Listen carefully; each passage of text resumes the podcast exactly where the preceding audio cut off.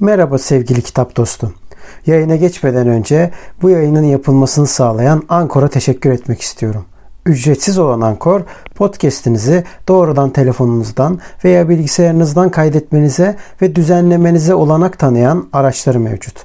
Ankor, podcast'inizi sizin için dağıtır. Böylece Spotify, Apple Podcast ve daha pek çok yerde sesiniz duyulabilir. Üstelik minimum dinleyici olmadan podcast'inizde para kazanabilirsiniz. Tek bir yerde podcast hazırlamak için ihtiyacınız olan her şey Ankor'da. Yayına geçmeden önce hadi vakit kaybetmeden ücretsiz Ankor uygulamasını indirin veya başlamak için ankor.fm'e gidin. Şimdi podcast'ime geçebiliriz.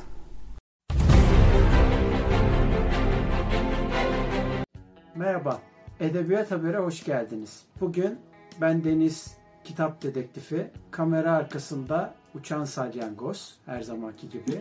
Merhaba Uçan Salyangoz. Merhaba kitap dedektifi. Nasılsın? İyiyim teşekkürler. Siz nasılsınız? Sağ olun. Bugün çok kibar kendisi. evet. Başlayalım o zaman. Haftanın bir özetini geçelim. Buyurun sorularınızı bekliyorum efendim. En başta benim de okuduğum bir öykü var.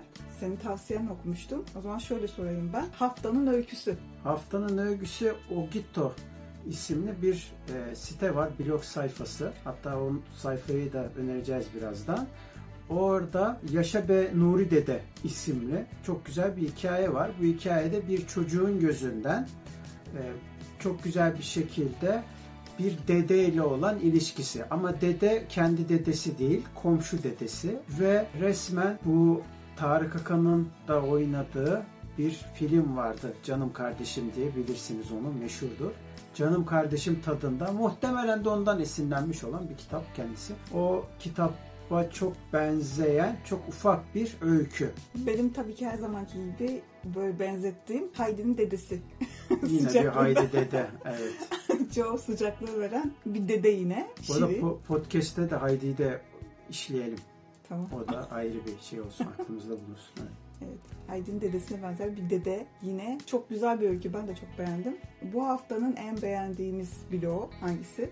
Bu edebiyat bloğundan az önce söylediğim Ogito var. Ogito'da çok fazla güncelleme yapılmıyor ama edebiyat severlerden her türlü yazılar geliyor oraya. O yazılarda e, çok güzel öyküler görebiliyoruz, denemeler görebiliyoruz. Şiir var mıydı? Denk gelmedim ama muhtemelen ayırt etmiyorlar. Edebiyatla alakalı her konu, röportajlar da dahil olmak üzere çok güzel bir haber sayfası diyebiliriz. Edebiyat sayfası. Yani bizim anlattıklarımızı aslında edebi olarak orada anlatıyor. Çok güzel de bir sayfa. Tavsiye ederim bakmanızı. Evet. Peki bu haftanın en çok satan kitapları hangileri? Oradan da 3 tane kitap önerimiz var. O 3 kitap önerisi de şöyle. Nasıl ölünür? Ölüm gerçek. Ölüm deşiği tabu. Cenaze ortak. Yaz bireysel. Peki ölüm herkese eşitler mi? Romanlarından tanıdığımız Emile Zola'dan toplumsal ve ekonomik koşulların ölümü nasıl şekillendirdiğini gözler önüne seren çarpıcı beş öykü. Aristokrat, burjuva, esnaf, köylü ve işçi ailelerinin bu süreci nasıl yaşadıklarını olanca sadeliğiyle ve toplumsal çerçeveden kopmadan sergileyen beş tablo. Görme biçimleri. Görme konuşmadan önce gelmiştir. Çocuk konuşmaya başlamadan önce bakıp tanımayı öğrenir. Ne var ki başka bir anlamda da görme sözcüklerden önce gelmiştir. Bizi çevreleyen dünyada kendi yerimizi görerek buluruz. Bu dünyayı sözcüklerle anlatırız ama sözcükler dünya ile çevrelenmiş olmamızı hiçbir zaman değiştiremez. Her akşam güneşin batışını görürüz. Dünyanın güneşe arkasını dönmekte olduğunu biliriz. Ne var ki bu bilgi, bu açıklama gördüklerimize uymaz hiçbir zaman. Gerçeküstü ressam Margarete Düşlerin Anahtarı adlı resminde sözcüklerle nesneler arasında her zaman var olan bu uçurumu yorumlamıştır. Kıyamet Park. Yakında dünya daha iyi bir yer haline gelecek çünkü ben daha iyi biri olacağım. Ama önce halletmem gereken işler var. Mozart 5 yaşında beste yapıyordu. Alper kamu cinayet çözüyor. Lüks bir otelde gedikli bir gazeteci vahşice öldürülür. Böylece dünyanın en küçük dedektifinin hayatına renk gelir. Zanlılar arasında mekik dokurken 8 yaşında tecrübeli bir rakibi vardır. Bu defa Altan şeytana pabucunu ters giydiren yeni nesil bir şeytan. Kahramanımız katili Altan'dan da önce bulabilecek mi? Yoksa davayı, bahsi ve hayali arkadaşlarını kaybedecek midir? Kıyamet Park sahici dehşet ile sahte şöleni bir araya getiriyor. Her sayfasında katilin gölgesini görecek, maktulün parfümünü duyacaksınız. Şöhreti ülke sınırlarını aşan Alper Kamu'ya bir kez daha hayran kalacaksınız. Bu haftanın yazarı. Haftanın yazarı da aslında bizde de hali hazırda kitabı olan Sen Kimseyi Sevemezsin Güler Soy'un bir kitabı olmakla birlikte Güler Soy'un kendisi. Yani Güler Soy Fakir Baykurt Öykü ödülünü aldı 2021 yılında. Yani bu sene aldı bu öyküyü. Çok güzel bir şekilde kadın erkek ilişkileri, kadınların yaşadığı zorluklar ve eril dünyada kadınların neler çektiği daha e, biraz daha şey konuşursak, jargondan konuşursak diyeyim olan öyküler var. Bunu kesinlikle tavsiye ederim. Doğan kitaptan çıkmış bir öyküler hali. 135 sayfa. Şöyle tekrar göstereyim. Tavsiye ediyorum kendisini. Çok da güzel yazmış. Yalın. Kendinizden çok şey bulacağınızı düşünüyorum. Aslında kadınlar üzerine o kadar çok konuşulacak şey var ki şu anki olan olaylar içerisinde ama çok detaylı. Tabii onunla ilgili de mesela kadınlar üzerine de bir edebiyat konuşması da yapılabilir. Senle de birebir yapılır. Bir de ayrıca uzmanlarla da yapmayı da düşünüyorum ama işte uzmanlara ulaşabilirsek. Evet peki şimdi yine bir terimler sözcüğümüz var. Çok merak ediyorum ne olduğunu. Evet bu sefer yine her zamanki kaynağımız Nişanyan Sözlük'ten yine. Biliyorsunuz filologtur kendisi Sevan Nişanyan'ın. YouTube sayfasını da takip edebilirsiniz bu arada. Sitesi de vardı galiba değil mi? Sayfası da var ama çok güncel değil ama blog sayfası da var kendisine. Hmm, evet. Ya çok görüşlerini açıkçası tasvip etmiyorum ama dil anlamında çok iyi bir kişidir. Evet. O yüzden hatta özel hayatında da çok ciddi sıkıntılar olan kadın meselesinde de çok ciddi sıkıntılı olan birisi. Ama kötü anlamda söylüyorum, iyi anlamda değil. Ama buna rağmen dediğim gibi filolog anlamında çok ciddi katkıları vardır dilimize. O yüzden kullanıyoruz yani hmm. kendi görüşlerini tasvip ettiğimiz için değil. Ee, buradan ma fevk. Ma fevk. Evet. Bu mavfek hemen buradan tam olarak okuyalım. Üst taraf yukarısı üstte bulunan adam amir zabit mağdurun zıttı. Bu Arapçadan gelen bir kelimeymiş. Yani aslında bürokratlar gibi değil de üst mertebe gibi, amirimiz gibi düşünebiliriz yani. Siz hmm. mesela fabrikada falan vardır ya şef vardır, amir vardır. Murtaza müdür vardır. Murtaza kendini öyle zannediyor. bunda öyle değil ama bunda gerçekten evet. öyle yani. O yüzden mafevk diyorlarmış buna. Hmm. Efendim. Amirinize mafevk diyebilirsiniz. Evet. Amirinize size bir bön bön bakar. Evet, zaten artık memleketimizde tabi bilenler değil de bu işleri hani kendi alanında uzmanlar değil de yalakalık ya da tanıdıklık üstünden tabi gittiği için dolayısıyla bu konuyu bileceğini de zannetmiyorum. Zaten Türkçe'ye de hakim değilse hele bir de Arapçaya da hakim değilse ama fehim ki dersen adam adam bana küfür mü ediyorsun diye bakar yani. evet buyurunuz. Peki bu haftanın indirimleri? Bu haftanın indirimlerinde de İdefix de var. %40 ile %60 arasında indirimler var. Birçok yayın evinde var. Mesela özellikle Türkiye İş Bankası'nın e, yayınları var. Türkiye İş Bankası üzerine ayrı bir yayın yapmayı düşünüyorum. Çünkü o konuda birazcık çetrefilli bir konu. E, bir bankanın yayın evi olması konusu var. Yapı Kredi yayınları da hakeza aynı şekilde ya da vakıf bank yayınları. Bunlar üzerine yani bankaların yayın evleri üzerine de bir özel bir yayın yapmayı düşünüyorum. Birazcık sert geçecek o yayın ama olsun yine de bu konuyu konuşmak lazım. Ama yine de e, Hasan Ali Yücel klasiklerine hakkını vermek lazım. Türkiye Cumhuriyeti'ndeki Milli Eğitim Bakanı olduğu zamanlar zaten ilk Milli Eğitim Bakanlarından olduğu zaman onun bıraktığı eserler çok ciddi boyutlarda. Bizde de çok güzel çevirileri var. Her çevirisi güzel mi? Değil. Ama onlar daha sonraki çevirilerle olan durumlar. Çünkü Hasan Ali Yücel klasiklerin içerisinde yer almayan ama daha sonradan bunun buna dahil edilen bazı klasikler var. Ha. O yüzden o çevirilerde falan bazı sıkıntılar var. Hmm, ben onu bilmiyordum. Çünkü ya yaklaşık olarak 150 tane falan kitaptan bahsediyorlar çeviri yapılan. Halbuki satışta olanlar o kadar değil. Ha, tam listeyi biliyor muyum bilmiyorum ama e, yani mantıki olarak söylüyorum bunu. Çok çok yüksek ihtimalle bu şekilde yani. Hmm. Dolayısıyla da İş Bankası yayınlarına bu konuda şey yapabiliriz. O İdefix'te de böyle bir şey var. Bunun yanında Cem yayınlarında indirim var. Ayrıca birkaç tane daha butik yayın evlerine ki onlara destek vermek lazım. Çok Evet. güzel çeviriler Ben de de var. onu soracaktım. Yani aslında butik yayın evlerine daha çok hani destek olmak amacıyla hani kitap satın alabiliriz. Zaten yayın evlerinin e, ayın yayın evleri ya da haftanın yayın evlerini söylediğimiz zaman genellikle butiklerden seçmeye çalışıyorum. Çok fazla yayın evi var. İsmini bile bilmiyoruz. Hatta bazen internet siteleri bile yok. Ama bunları destek vermek lazım. Dolayısıyla hele bir de şu dönemde bu kadar maliyetlerin arttı. Geçen hafta da söylediğimiz, önceki videolarımızda da söylediğimiz maliyetlerin arttığı zamanlarda bunları destek vermek lazım. Onlara her zaman arka çıkmak lazım. Ve gerçekten güzel çevirileri var. Ama tanınmıyorlar. DNR'a girmiyorlar. Mesela artık iyice tekelleşmeye başladı bunlar. Ya da ne bileyim işte bir çeşitli yayın kuruluşları, dağıtımları, kitapçılara sokmuyorlar bunları. Hatta bunun yanında da yani yayın evinin kendi sansürünün haricinde devlet tarafından yapılan sansür artı bir de sos olarak kitapçıların yani kitap satışı yapan DNR gibi platformların da kendi yaptığı sansürler var. Bu da, bu, bu da bir sansürdür. Çünkü sattırmıyor kitabını. Evet. Dolayısıyla da bunların butiklerin ezilmemesi adına parayla bastıranlar değil. Özellikle bunu belirtmemiz lazım. Butik derken insanın aklına direkt şey gelir. Çünkü böyle butik diye geçinenler var. Halbuki bunlar öyle değil. Bu kitap ve yayın evlerine destek vermek lazım. İdefix'te de bu tarz yayın evleri de var mı? Var.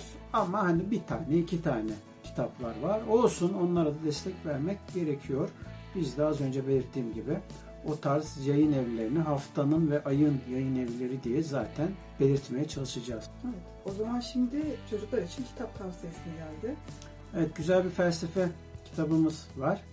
Bu felsefe kitabı da Çocuklarla Felsefe Konuşmaları isminde bir kitap. Filozof Çocuk isimli alt başlığı var. Nuran Direğin yapmış olduğu aslında bu zamanlarda da biraz popüler olan çocuklarla felsefenin ne kadar önemli olduğunu da gösteren bunu ufak öykülerle anlatan ama birazcık da Sophie'nin dünyasının daha basitleştirilmiş hali gibi bir çocuk kitabı var. Bunu tavsiye ediyoruz. Bugün okuduğum Winnie the Pooh kitabında aslında çocukların o kadar saf düşünüyorlar ki felsefeyi felsefede de vardır ya saf düşünmek. Evet. Saf düşünmek merak uyandırır. Merak merakı kendisiyle birlikte getirir. Merak kendisiyle birlikte getirir. Ee, Bugün okuduğum kitapta da onu gördüm yani. O kadar saf düşünüyor, o kadar düşüncelerinde saf ilerliyor ki işte hiçbir şeyden hiçbir şey olması gibi. Aslında burada bence e, felsefe çocuklara yakışıyor. Çünkü hani o kadar saf düşünüyorlar ki felsefe de aslında bir saf düşüncenin e, sonucunda meydana gelmiş merak e, duygusuyla. Aslında birbirlerine ne kadar yakın ve eş, eşitler. Bu yüzden bence çocukların felsefe öğrenmeleri e, çok önemli. Sorgulamayı da getiriyor ki beraberinde. E, bu onların daha rahat büyümesini de sağlıyor. Ondan dolayı ebeveynlerine de ebeveynlere öneriyorum yani. Stephen Hawking'in meşhur bir sözü vardı. Bilim insanıyla çocuğun arasında pek fark yoktur. Tek istisnai çocuk bir noktadan sonra hep merak eder ama cevabı için değil der. Sadece soru sorar. Ve bir sonuca ulaşmaz. Ama bilim insanı soru sorar. O çocukluk ruhuyla soru sorar. Ama bir sonuca ulaşmak için soru sorar.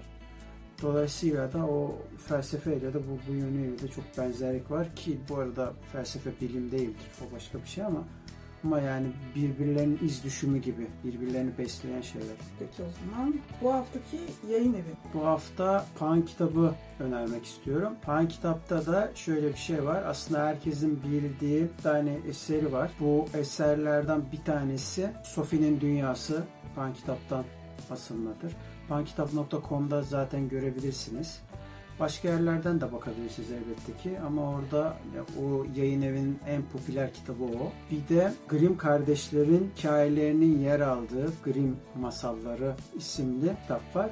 Bu Grimm masalları güzel iki ciltlik kitapları da var. Aynı zamanda safiyelik kitapları var. Sitesine girdiğiniz zaman zaten görürsünüz. Bir de onun yanında felsefe kitaplarını tavsiye ediyorum. Çocuk kitapları da güzeldir. Diğer kitaplara da tabii ki bakabilirsiniz ama edebiyat kitapları birazcık bana yavan geliyor. Muhtemelen diğer yayın evleriyle rekabet çok fazla olduğu için yüksek ihtimalle de o sebeple daha az basılma, biraz daha kalibresi düşük eserler basmışlar. O yüzden Pan kitaba destek çıkmak lazım felsefe kitapları özelinde ve çocuk kitapları özelinde diye düşünüyorum. Evet. Bu haftanın röportajı. Bu haftanın röportajı da bu geçen hafta söylediğim bir şey vardı. Safiyelik bazı eserlerden ya da kitaplardan ya da dergilerden, gazetelerden röportajlar da olabilir. Güncel röportajlar olmayabilir demiştim.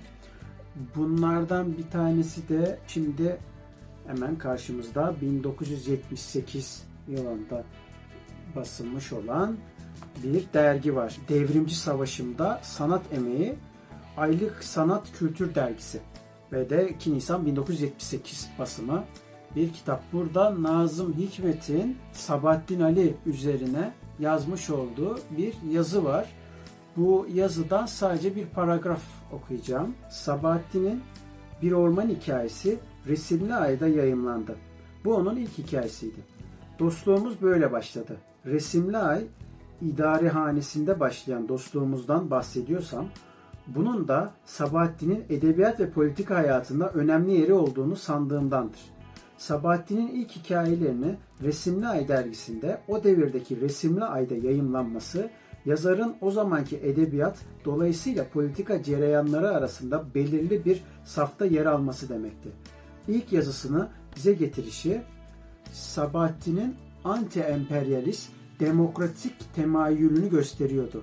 Gerek dostluğumuz, gerek resimli ayın o zamanki çevresinde girişi gerekse sonraları Sinop cezaevinde parti üyelerinden bazılarıyla tanışması Sabahattin Ali'nin sosyalist idealleri benimsemesinde tesirli oldu.